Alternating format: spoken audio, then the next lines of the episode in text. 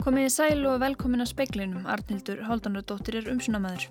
Forseti leðtóraðs Evrópusambandsins segir að hægt verði að fallast á að veita breytum skamman frest á útgöngu úr sambandinu þess að gefa breskum þingmönum kost á að samþykja samningin um úrsöks sem fyrir liggur. Þeir hafa tvívegis feltan. Lónubresturinn er skellur, sumir sjá fram á að ástekjurnar skerðist um helming. Fiskvinnslu fólk hefur sumt verið vikum og mánuðum í að skrúpa hvert fermetra í vinsluhúsum og sveitafélug gera upp við sig hvernig skuli bregðast við tekjusamdrætti. Fyrsta framkvæmda leifið að þremur vegna kröplulínu þrjú hefur verið gefið út. Vonast er til þess að línan verði komin í rekstur fyrir lok næsta árs.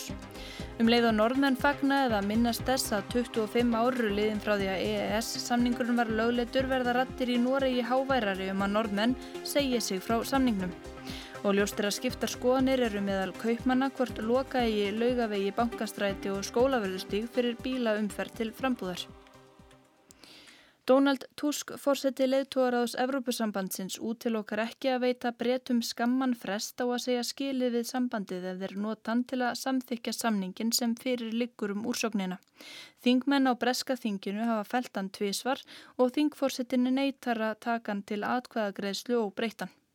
Theresa May, fórsættisráþara Breitlands, fór formlega fram á það í dag að Breitar fengju þryggja mánada frest til að ganga úr Evrópusambandinu. Að óbreyttu ætti það að gerast að nýju dögum liðnum. Frakkar sáðust til dag geta fallist á það að nokkurum skýlirum uppfylltum, ella mynduðir beita neitunarvaldi.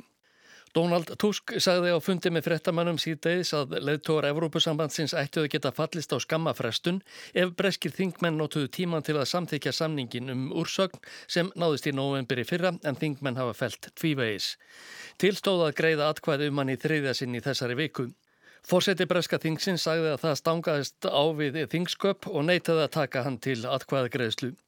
Fyrirlikur hins vegar samþygt breska þingsins um að segja ekki skilið við Evrópusambandið án samnings. Stjórnaranstæðingar letu þungorð falla á þingi í dag vegna stöðunar sem upp er komin. Jeremy Corbyn, leðtói verkamannaflokksins, sagði að Breitland væri í pólitískum ógöngum eða krísu vegna ákvarðana fælni og vanhæfi forsættisir á þeirra. Öllum væri ljóst að hún hefði engin ráð til að greiða úr flækjunni sem hún hefði komið sér í. Ásgeir Tómasson saði frá og við fjöllum nánarum Brexit síðar í speglunum. Trausti Fannar Valsson, dósend við lagadelt Háskóla Ísland, segir landsréttardómarana fjóra sem nú eru í leifi ega ríkan bótarétt færi svo að ráð þeirra þurfa að leysa það úr ennbætti. Mannréttindadómstólinn komst að því í síðustu viku að Íslenska ríkið hefði brotið lög við skipan dómarana. Trausti Fannar segir mikilvægt að muna að dómararnir séu full hæfur til að dæma í málum og sökinn sé ekki þeirra. Ef að til þess kemur að þessir fjóri dómarar get ekki dæmt og, og eh, svo nýðustæða liggur þá fyrir annarkort með því að dómur Marit Dómstólsins verður endalegur og það verður bara framkvæmdin eða þá með því að íslenskir dómstólar dæma um það sérstaklega eða úrskurðu um það að þá er, þá er 20 stöðinni annarkort að dómarni sitja áfram eða þá að það, það, þeir séu hérna leistir frá störfum með dómi og til þess þarf að, að fullna í ákvönulega kröfum það er í því tilviki myndi þeir, þeir eiga ríkan bóta rétt en það sög þeirra á þessu engin. Það, og það er mjög mikilvægt auðvitað að hafa, hafa það í huga. Það er hins vegar ekki neitt atriði sem að á að ráða því hvaða leið verður farin. Saði Trausti Fannar Valsson Suðvestan hríðarveður gengur nú yfir vestfyrði og minnir á veturinn sem hefur farið mildum höndum um vestfyrðinga hinga til. Búist er við að meðalvindræði geti farið yfir 25 metra á sekundu í nótt. Eftir mildan vetur tók að hversa á vestfjörðum í gerkvöldi og í dag hefur bætt í. Þá hefur fyllt nokkur snjókoma og á Ísafjörði hafa auðar hlýðar fjallana horfið undir kvitt teppi. Þó er aðeins ekkert að grilla í hlýðarnar á milli hríða. Einar Sveinbjörnsson, veðufræðingur, segir á bloggsíðu sinni að í raun séu komin fyrsti útsinningurinn í vetur. Það er suðvestan átt með jæljum, veðurlag sem Íslendingar sleppa sjaldan við og er gerðnan ríkjandi í februar og mars. Rapp Guðmusson, veðufræðingur hjá Viðstofu Íslands, segir að með kvöldun eigi eftir að bæta í vind, sérstaklega á vestfjörðum. Það er að koma ofinu slæm suðvestanátt á nýfir og, og við erum að tala um storm eða rók í þessu þannig að þá er meðalvindurinn alveg að fara upp fyrir 25 metra á sekundu svona það sem heitir vest og náttúrulega eru líka kviður í þessu og náttúrulega í vestur hýðjónum þá geta kviðurna farið alveg vel yfir 30 metra á sekundu.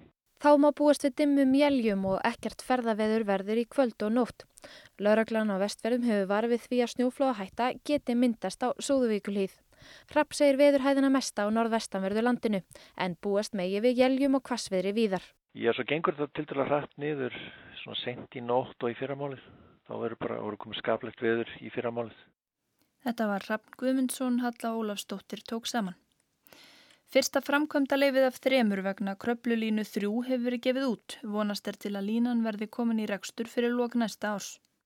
Kröplulína 3 á að liggja frá Kröpluvirkjun austur í fljótsdalstöð um 122 km leið. Undirbúningur hefur staðið í nokkur ár, umhverfismati lög 2017 og hafa náðst samningar við landeigundur.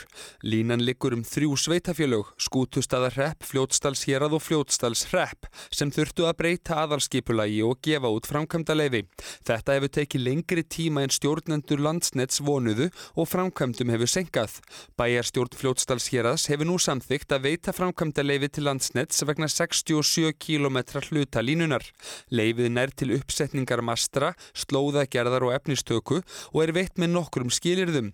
Það er á meðal að votlendi verði endur heimt, grætt verði upp svæði sem raskast og að áflug verði vaktað. Steinun Þorsteinsdóttir upplýsingafull trúi landsnets segir að verkefni þókist áfram nú býðum við bara eftir útgáfið frangatilega frá fljóttalsreppi og skútustarreppi. Hvenar nákvæmlega það verður veit ekki alveg á þessu stíu en, en vonandi verður ekki mjög langt í það. Framkvæmdir hefjast ekki fyrir en öll leifi likja fyrir en undirbúningur er í fullum gangi. Við höfum nú þegar bóðið út og opna tilbúið í stálmöstur og efni hérna, fórstættar undistöður og núna í februar þá búðum við út jarðvinnuna og framöndan er að bjóða út reysingum mastra. Ef að allt gengur eftir þá stefnum við á að taka kröplinu þrjú í rekstur fyrir árslokk 2020. Þetta var Steinun Þorsteinsdóttir Jón Þór Kristjánsson tók saman. Ljóst er að skiptar skoðanir eru meðal kaupmannakvort, loka eigi laugavegi, bankastræti og skólaverðustík í miðborg, Reykjavíkur fyrir bílaumferð til frambúðar. Matthildur Leifstóttir, verslunar eigandi 38 þrepa, segir að kynnslóðaskiptið séu að eiga sér staði í verslunum í miðborginni. Ég held að sé kynnslóðaskipti hjá verslunægundum og lögavegi. Það eru hérna gamlar grónar verslanir sem eru svolítið að víkja og ég myndi bara vilja sjá möguleika fyrir nýtt fólk til að koma í miðbæinn og gera eitthvað skemmtilegt. Eigandi Brynju segir veðráttuna á Íslandi henda illa fyrir göngugötur. Svo finnst þetta bara enga við passa við okkar veðráttu hér að, að fara loka svona götu, ylli götu. Við sjáum bara hvernig nusnustrættið var í, eftir það var alveg lokað, en þá er enga búður orðinlega lengur. Segir Brynjólfur Björnsson. Vestnástjóri litlu jólabúðarinnar á laugavegi er þó jákvæður. Ég held að hún hafa bara rauninni góð áhrif fyrir mikið litið sko að hérna Við erum alltaf að fá svo mikið útlendingum að það hefur svona ekki mikið að segja fyrir okkur. En mér finnst það jákvæmt persónulega.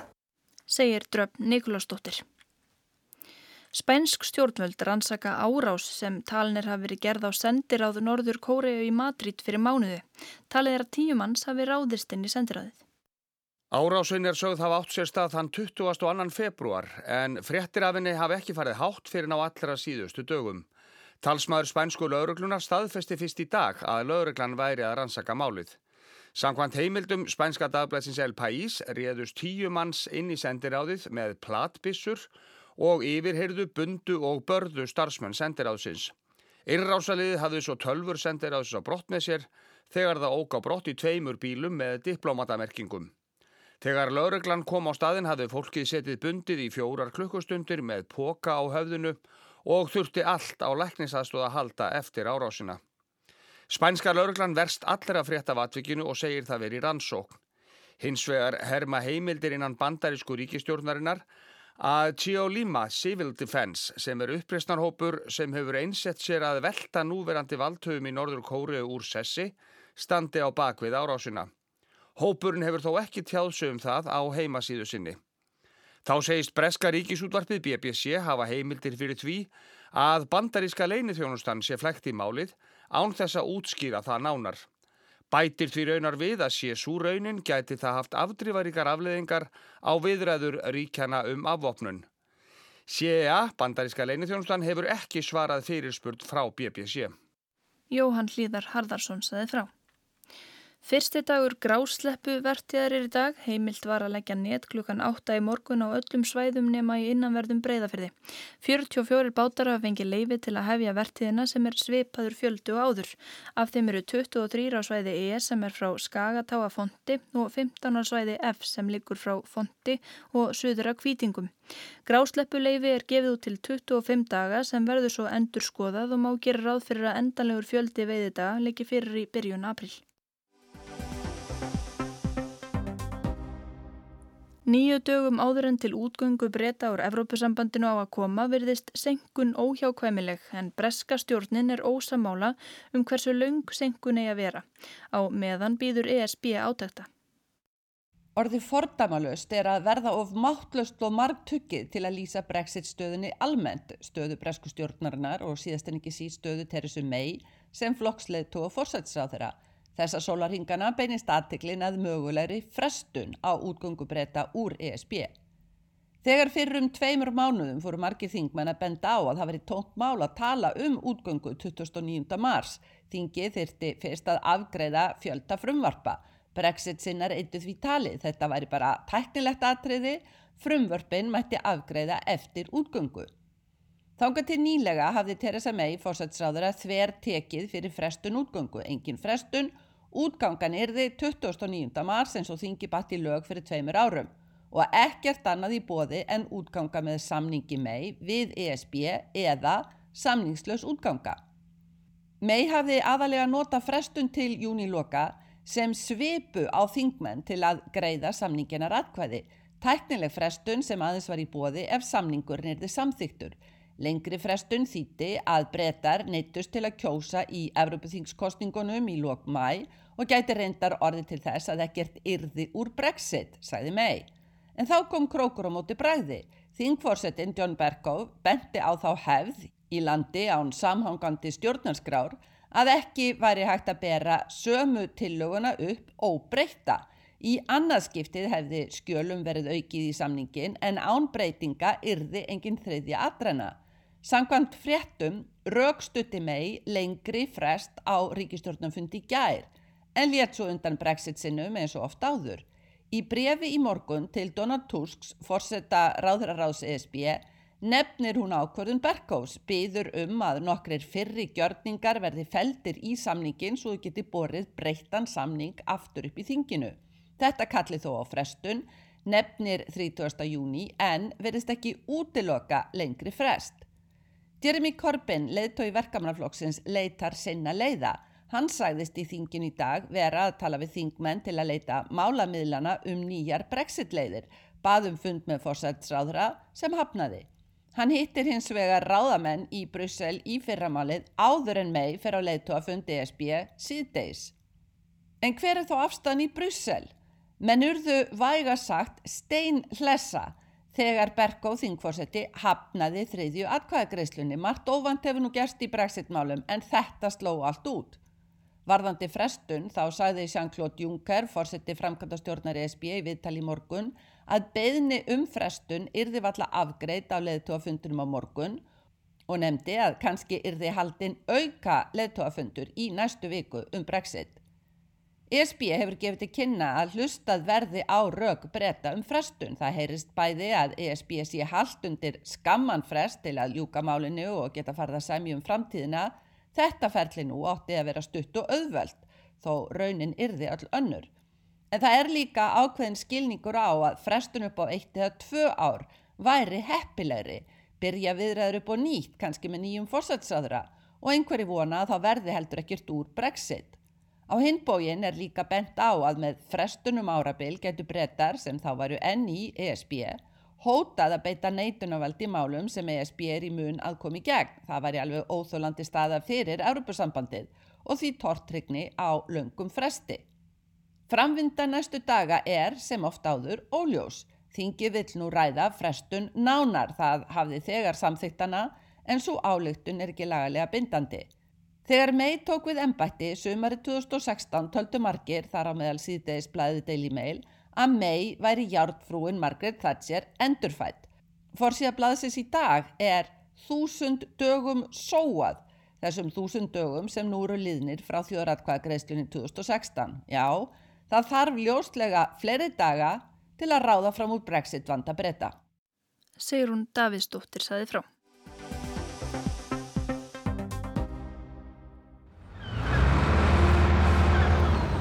Lóðnubresturinn er skellur fyrir sjómenn og starfsfólki í landvinnslu. Sumir sjá fram á að árstekjurnar skerðist um helming.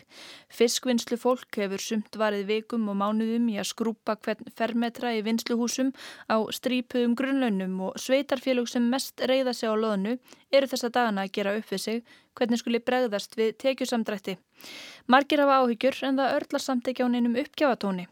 Þetta náttúrulega sko hefur bara gríðarlegar hérna, gríðarlega áhrif. Bæði sjóminn og landverkafólk verður fyrir gríðarlegum tekjuskerringum og það sem lítið, hefur, lítið sem ekkert hefur veist á þessum tegundir sem henn hafa verið að veði á og, og, og ég veit í þess að, að, að það er náttúrulega dæmið um það að fiskvískfólk hafi reynilega verið bara sendt heim á, á kaupryggingu vegna þess að það hefur ekki verið inn að vinna að hafa segir aðalsteinn á Baldursson formaður stjættafélagsins framsýnar en undir það heyrir verkalýsfélag Þórshafnar. Hjördis Þóra Sigurþórsdóttir formaður APLS stjættafélags saði samtali við fréttablaðið að loðnubresturinn hefði áhrif á um 500 manns í landvinnslu og áhafnir um 10 skipa á starfsvæði félagsins sem næri yfir stóran hluta Östurlands. Loðnuvertiðin er mislaung, getur staðið frá nokkrum vikum upp í 2-3 mánuði á tímabilinu frá janúar byrjun og fram í mars. Þegar loðnan lætur ná sér er brjálað að gera allan sólarringin í þeim byggðalögum sem reyða sig á uppsjóavinnslu. Speillin rætti við konu sem starfar í uppsjóavinnslu Hábjörg Granda á Vopnafyrði. Hún segir stóran hluta starfsópsins nær ekkert hafa unnið á þessu ári. Starfsfólk fái greitt grunnlaun sem séum helmingi lægri en launin í loðnuvertíð. Í fyrra hafi kvótin reyndar verið lítill og bara tveggja veikna vertíð en það hafi samt munað um það. Annar starfsmöður Hábjörg Granda á opnaferði segir að síðustu þrjá mánuði hafi um 10 af 60 starfsmönnum vinslunar verið því að þrýfa og mála skrýðum golfin og skrúpa hvern einasta blett. Þetta hafi verið erfiður tími en nú sé bjart framönda. Tveggja mánada grásleppu törna hefjast. En hver verða áhrif loðnubressins á sveitafélagið? Þór Steinarsson, sveitarstjóri á Vopnafjörði, segir að fyrirleiki minnisblad sem verði lagt fyrir sveitarstjórn á morgun. Hann vil ekki tjá sig um efniðess fyrir en sveitarstjórn hefur afgreittað en segir að væntanlega verði teknar ákvarðanir um það á fundinum hvernig brúðist verði við. Það gæti til dæmis sturt að hætta við framkvæmdir. Hann segir sveitarfélagið hafa það umfram langaninsbyggð nákvæmna sveitarfélagið í norðri að í Vopnafjörði sé verið að vinna kolmuna og því ekki allt stopp. Langanisbyggð verður af um 25 miljóna tekjum vegna loðnubressins. Það nefnur um 83% af áalliðum tekju afgangi ársins. Elias Pétursson sveitarstjóri segir vinnu við að yfirfara fjárhagsáallun og ákveða viðbröða hefjast. Og þetta verður gert með einhver svona samblandi af aðhaldi í rekstri og síðan mögulega einhverjum, einhverju forgámsröðun framkvæmda og verkefna sem, að, sem að við erum með í, í gangi eða, eða vorum að setja í gangi. Hann segir loðnu brestin mikið högg þó íbúar séu ímsu vanir. Sjálfsögur hefur fólk örglega áhyggjur af þessu og finnur fyrir því þegar tekjurnar eru, eru lagri heldur, menn, heldur fólk bjóst við. En það er samt ekki, ekki hljóð í gorki ísélænunni öðrum þar sem er verið að fara að segja upp fólki eða neitt þess að það. Menn bara gefa sér það að þetta sé bara eitt ár og svo vel að merkja svo geta komið líka aðrar fyrstegundir setna á árinu sem að geta vegið þetta upp þannig að ég legg nú til að maður sé ekkert að, að fara í einhver, einhver algjörðsassíni. Áhrif loðnuleysisins eru mikil í fjardabigðan til sveitarfélagsins heyrir tæpur helmingur loðnukvotans. Framhefur komið að sveitarfélagi verði fyrir 160 miljóna króna tapi vegna bressins og hafnarsjóður fyrir 100 miljóna tapi. 15 hafa mist vinnuna. Karl Óttar Pétursson, sveitarstjóri fjörðarbyðar, segir sveitafélagi vera á góðum stað miða við það að vera á vondum stað. Tvent kemur til. Í fyrsta lagi er kolmunavertiðin ekki lengur í uppnámi. Þöks ég samkominlagi sem sjávarútusráðurar Íslands og Færeja undirrituði vikunni. Í öðru lagi segir hann sveitarstjórn sjá fram á að hægt verðan á 100 miljóna hagraðingu í hafnarsjóði þar sem tilbúði viðgerð á stálþýli stærstu hafnarlandsins í norðfyrði hafi reynst mun lægra en búist það verið við. Hann segir að ekki standi til að grípa til uppsagna eða fella niður stórar framkvæmdir. Í morgumblaðinu var fjallað um áhrif loðnubressins í Vestmanægjum. Bæjarstjórn fól fjármálastjóra bæjarins að fara yfir fjárhagslega áhrif loðnubress. Minnisblað sem hann laði fram á fundi bæjaráðs í gær bendi til þess að í eigum tapist hátt í 800 miljónir. Þorstein Ingi Guðmundsson, formaður sjómanafélagsins Jötuns í Vestmanægjum, segir ástandið hörmulegt sjómenn sjáu fram á helmings tekjutapp. Þetta helmingur ástekjunum koma á þessu tíma. Það er mikið uppgrip í þessu vegna eh, náttúrulega fristingi gefur mjög vel af sér og hrognatakan sem hefur verið undan farin árið náttúrulega verið stæðst í vinslu ár á hrognum og, og fristri loðinu hefur verið á þessum tíma og í Vestmanni. Ísfélag Vestmanneia setti í síðustu viku skipið Álsei á sölu, loðnubresturinn hafði þar áhrif. Þorstein segir að áhöfninni hafi verið sagt upp, einhverjir hafi fengið önnu störð hjá fyrirtækinu en þrýr eða fjórir séu á natfinu. Hvað verður gert til, fyrir þessar fyrir þessar sveitir hérna sem hafa verið að veða lónu og, og, og það fólk sem allt undir því. Ég hef engin úræði til þess. Það er bara högg sem að sjávarútvöðun þarf að bera, það er öllu óbreyttu. Svo verða menn þá í einhverju stærra samhengi að leggjast yfir áhrifin af einhverjum efnagsáföllum sem kunna ríða yfir en hinga til hefur uh, ekki verið gert ráð fyrir öðru heldur en því að ef að brestu verður í lónuvertið þá, þá bera við komandi fyrirtæki það. Þetta saði Kristján Þór Júliusson sjávarútveitsráðar í vikunni í samtali við Yngvar Þór Björnsson fréttamann. Ekki eru allir sáttir við þessi viðbröður á þeirra. Stjórn samtaka sjávarútvegs sveitarfélaga heist álíkt um málið á fundi sínum í næstu viku. Gauti Jóhannesson, formaður samtakana, gerir aðtúasamtið orð sjávarútveitsráðara um að fyrirtækin sjálf þurfi eina að taka á sig höggið í ljósið þeirra viðtæk og áhrifa sem bresturinn hafi fyrir sveitarfélagin og þjóðabúið heilt. Hann bendir á fordæmi fyrir slíkum mótvæðisækjörðum frá árinu 2007. Þá hafi ríkistjórnin ákveðið að flýta vegaframkvæmdum á 11 stöðum á landinu til að mæta skerðingu og aflamarki á næsta fiskviðári. Jón Björn Hákonarsson fórseti bæjarstjórnar í fjardabið sæði gæra að í stað þess að skerða framlög til jöfnunarsjóðs ætti ríkið að notan til að koma til mótsvið sveitarfélög sem verði fyrir tekjutabi.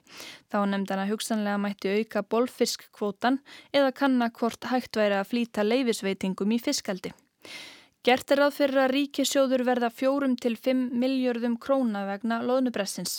Gustaf Stengrimsson, hagfræðingur við Hagfræðideild Landsbankans, segir að bresturinn nemi gróft á litið um 0,6% af landsframniðslu í fyrra og hann komi til viðbútar við þann samdrátt sem búið sé við í ferðarþjónustu. Hagfræðideild landsbankans gefur út uppverða verbolgu og þjóðagsspá í mæ. Gustaf segir að forsendur hafi breyst frá því síðasta spá var gefin út í november og að óbreyttu hafi loðnubresturinn töluverð áhrif til lækunar.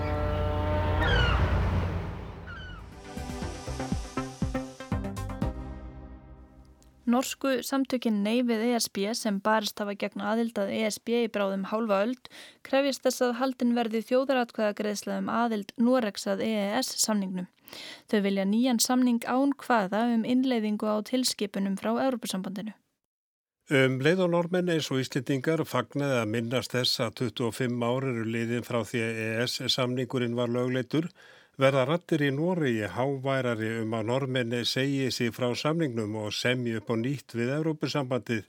En hvers vegna að segja skili við ES, Morten Harper, rannsóknarstjóri samtakana nei við ESB í Nóri eða næ til EU, segir að megin ástæðan sé að aðildin að ES sé of lík fullri aðild að ESB.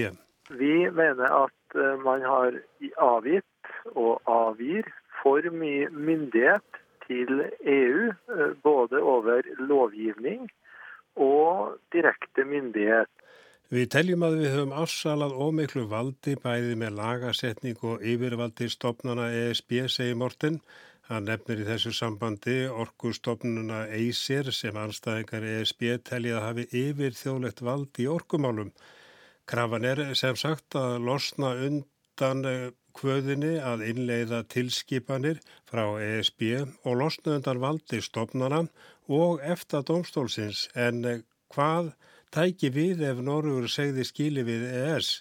Mortin segir að möguleikarnir séu margir, Evróska efnaðarsvæði sé mikilvægur markaður fyrir Noreg og norminni í langa viðskiptarsögu við Európa-sambandslöndin. Viðskipti Noregs séu engum við Bretland þannig að innri markaðurinn skipta ekki eins miklu máli þegar Bretar segja skili við ESB.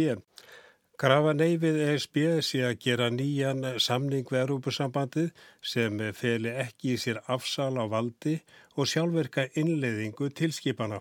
Vi ønsker altså at man skal ha en vanlig handelsavtale for å handle med EU-landene. Við viljum að gerður verði vennilugu samningur við ESB um við skipt við Európusambandslöndin, segir Morten. En er eitthvað sem betur til þess að Evrópusambandi sé tilbúið að gera nýjan samning við Noreg og hugsanlega líka Ísland? Morten segir að bæðilöndin eigi umfangsmikil viðskipti við þessi lönd en þetta séu gagkvæm viðskipti því ESB selji normunum bæði þjónust og vörur, innflutningurinn þaðan sem meir en útflutningur normana til ESB. Og det taler jo for at EU har interesse av å forhandle om en eh, sånn ny avtale hvis vi går ut av EØS. Það þýðir að ESB hefur hagsmun að því að gera nýja samning ef við færum út úr ES samningnum, segir Morten. Hann bendir einni á að gerður hafi verið viðskiptarsamningu við efnaðarsbandlalægið eins og hétt áður. Áður en ES samningurinn gekk í gildi. Sá samningur sé enni gildi og fjallum tóllfrjálsan innflutning innaðvara. En ef hægt verður að innleiða tilskipanir frá ESB þýr það að krafa sem að þær sem þegar hafi verið settar í lög að fallur gildi. Morten segir að það geti verið mismunandi eftir reglugerðum, margar fjallum tæknilega hluti, það sé ekki markmið að hafa algjörlega annað regluverk enn í ESB. Hann bendir á að undirbúða vinnumarkaði sé stort vandamál í Nóri, það tengist frjálsri för íbúa Evróska efnaðsvæðinu, sem er hluta af svo kullu fjórfrelsi. Morten segir að undirbóðin hafi neikvað áhrif á atunlífið í Norri. Så det er jo et område hvor vi er nødt til å få eh, sterkere grad av nasjonale regler igjen. Þetta er dæmum þar sem nöysilegt er að setja eigin reglur, segir Morten. Hann segir að það standa ekki til að loka landamæranum fyrir vinnuafli frá löndum innan ESB. Samþugin leggist gegn frjálsri för íbúa á Evráska efnaðasæðinum og vilja að teki verið upp skinsamleg stjórnun á innflutningi vinnuafls frá EES löndunum. Stjórnlaus innflutningur valdi því að mörg óabyrg fyrirtæki nýti sér þetta vinnuafl með undirbóðum. Það hafa sjálfsögðu avarslæmar afleðingar fyrir þetta fólk. I tillegg til at det også ødelegger grunnlaget for å ha et godt arbeidsliv. Noe av det veldig viktig i Norge. Að auki eðilegur þetta möguleikan á að halda upp í heilbriðu atunlífi. Það er mikilvægt í Nóri og líka á Íslandi. ES samningurinn hefur valdið miklu vandraði með Nóri hvað þetta varðar, segir Morten. Það sé skýringin á því að mörg stjættarfjölu í Nóri vilji betri samningu ESB til að bæta ástandi á vinnumarkaði. Normen hafi í tvígangu gengið til þjóðaratkvæða greiðslum aðeldað ESB og í bæðiskiptin var meiri hlutin á móti. Í fyrraskipti 1972 voru 53,5% á móti og 1994 réttur um 52%. Anstæðan er enn talsverð, 2017 voru með 66% á móti aðild og í fyrra var þessi tala komin niður í 64%. Setni ár hefur afstæðan til ES samningsins verið mældi í konunum. Í konunni fyrra voru réttur um 60% lindi samningnum, 21,5% á móti og um 18 af hundraði óákveðnir. Morten bendir á að gerði hafi verið konun sem síni að meiri hluti sé fyrir því að haldin verði þjóðaratöðagreislum hvort að segja í ES samningnum upp. Hann bendir á að bæði Nóriður og Ísland hafi samþygt ES samningin án þess að framfæri þjóðaratöðagreislan. Svistneska þjóðin hafnaði samningnum á sínu tíma hins vegar í þjóðratkvæðagreyslu en eh, sé samt eh, sem áður með ágættis viðskiptarsamning við ESB. Så vi mener at, at befolkninga bør få si sin mening. Hva mener man om EØS? Og derfor ønsker vi at det skal være en folkeavstemning om EØS-avtalen. Við teljum að þjóðun eigi að fá tækjafæri til að segja sitt áleita á EES-samningnum og þess vegna viljum við þjóðaratkvæðagreyslu um hann, segi Morten. Harper sem flýtur á morgun fyrirlestur sem heimsín og fleiri félög sem er á móti aðelda Európusambandinu standa fyrir. Arnar Páll Haugsson tók saman veðurhorfur suðvestan 10 til 18 metrar á sekundu en 15 til 23 norðvestan til á landinu og 20 til 25 þar í kvöld og fram eftir nóttu. Þurft og yfirleitt bjart veður austalands annars jél viða suðvestan 8 til 15 og jél á morgun en skýja með köplum og þurft að kalla norðaustalands. Hiti kringum frostmarka deginum en viða vægt næturfrost og í kvöld gera veðurfræðingar að veri vafasumi ferðaveri norðvestan til sérstaklega á fjallvögu. Fleiri er ekki í speiklunum í kvöld, tæknum að það var Jón Þór Helgason, veriði sæl.